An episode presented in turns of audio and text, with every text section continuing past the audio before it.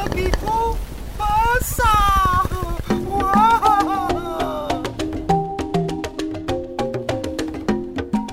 Ya ampun. Kukira bumi terbelah. Oh, kau buat jantungku nyaris pecah. Kalau piuk, bagaimana? Nanti disangka Covid. Terus, aku tak boleh ke mana-mana. Kalau mangkok takut bersimbah. Ih, kau itu kepiting tapa atau manusia?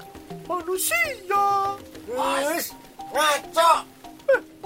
Buktinya, adik-adik di seantero Indonesia paham kalau aku bicara.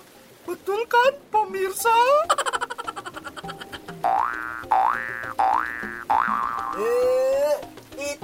karena kita sedang main sandiwara cerita sama Riona. Eh, eh, ngomong-ngomong tentang si gadis mandar, di manakah gerangan dia?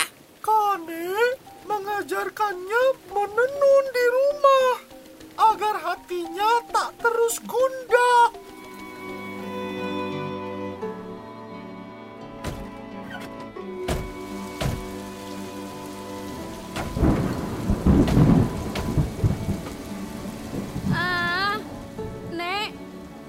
Apa gunanya semua ini?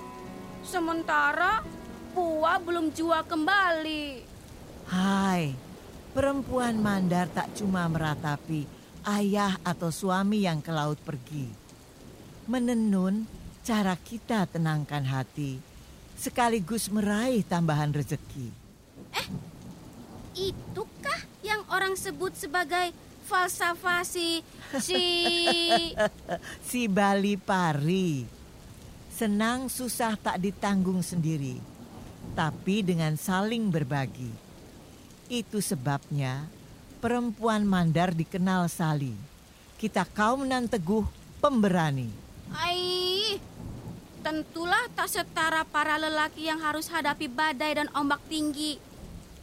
Mereka mengadu nyali, sementara perempuannya cuma di rumah, menanti.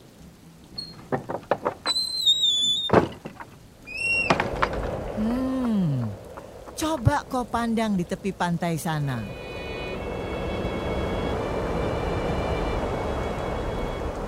Tak kulihat satu pun makhluk, kecuali si sape. Itu pohon yang batangnya merunduk. Diterpa badai ombak semalam suntuk, tak membuat tanaman itu tunduk. Walau terbungkuk-bungkuk, ia tetap setia menunjuk ke arah ufuk. Hmm, mengingatkan kita yang di rumah pada mereka yang ke laut mencari nafkah. Tumbuh di karang gersang pasir berbubuk pun tak jadikannya takluk. Malah semakin menyala-nyala kesumanya. Tuh lihat, merah di setiap pucuk. Ibarat pelita yang menerangi pengembara saat mereka kembali dari samudra. Ah, itulah kenapa corak bunga sape menjadi kesukaan almarhum Bunda. Pohon yang orang Franka sebut flamboyan jadi lambang kesetiaan dan keteguhan. Maka setiap untai sutra yang kau tata menjadi doa kepada seantero alam semesta. Yang menjulur atas ke bawah lungsing dinamai. Hubungkan kita dengan sang ilahi. Dan benang yang menyilang dari kanan ke kiri Dinamakan pakan. Sebuah harapan agar segala makhluk hidup dalam kebersamaan. Karena itulah sarung mandar bercorak kotak-kotak. Benangnya nan saling silang. membentuk pagar yang menjaga dan melindungi semua dalam kasih sayang. Ah, aku jadi terilhami hadiahkan tenun buat hangatkan pua saat ia kembali nanti. Nah, begitu semangatnya. Tapi sure apa kiranya nan cocok untuknya? Ikan seribu yang sehabis hujan penuhi sungai dan muara? Coraknya disebut sure penja. Lain lagi sure tembang. Pola ikan sarden yang kotak-kotaknya ditenun lebih renggang. Menurutku cuma satu nan patut buat punggawa nakoda laut. Ah, pasti maksudmu sure gatun layar. Sarung layar nan terkembang. Agar angin yang bertiup kencang bisa membawanya cepat pulang.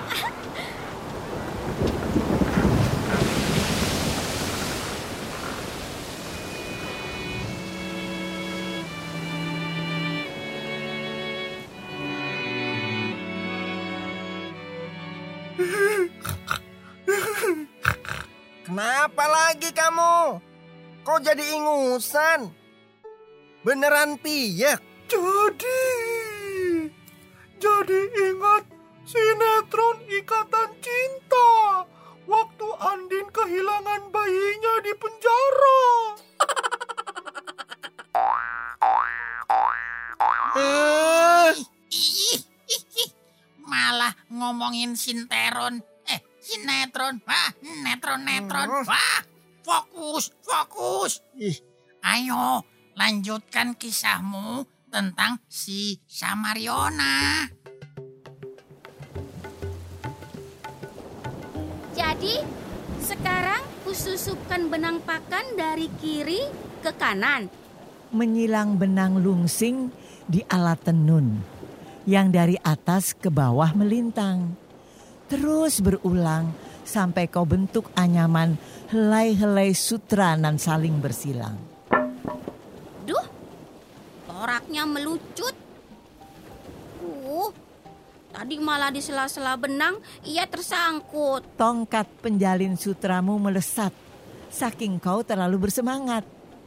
Kalau sebelumnya terpaut, itu karena kau masih takut-takut. Ai, bagaimana pula tak bingung. Setidaknya ada 16 alat tenun yang kuhitung. Dari penekan benang pasamba hingga penggulung kain pasa.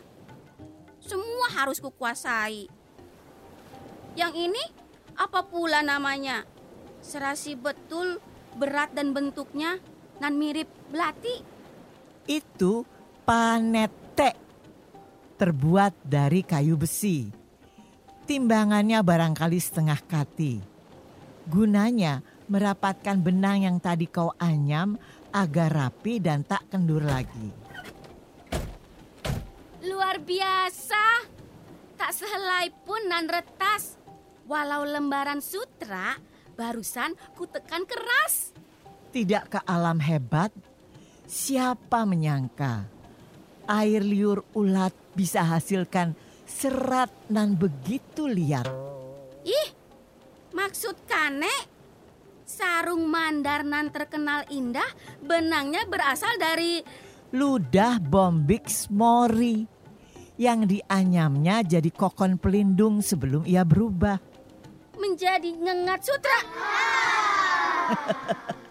Boleh saja kau anggap menjijikkan, tapi ia selalu jadi idaman para raja dan bangsawan.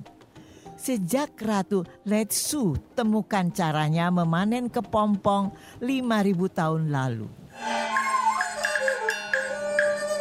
Tuh, repotnya. Kenapa pula tak pakai jaring sikat kaula? Kan mudah.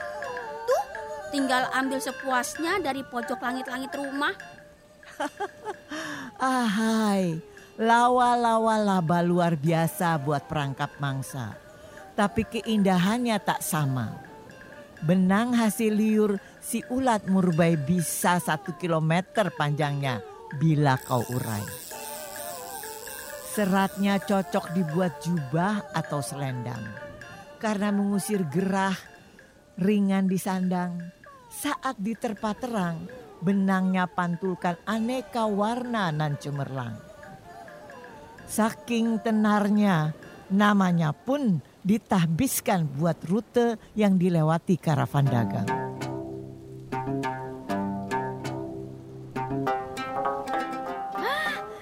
Buah pernah menceritakannya. Itu yang disebut jalur sutra. Dari Roma, para saudagar berkelana, mengangkut perak dan emas hingga tembok Cina. Pulang mengangkut sutra di atas rombongan unta, lewati Hindia hingga Mediterania.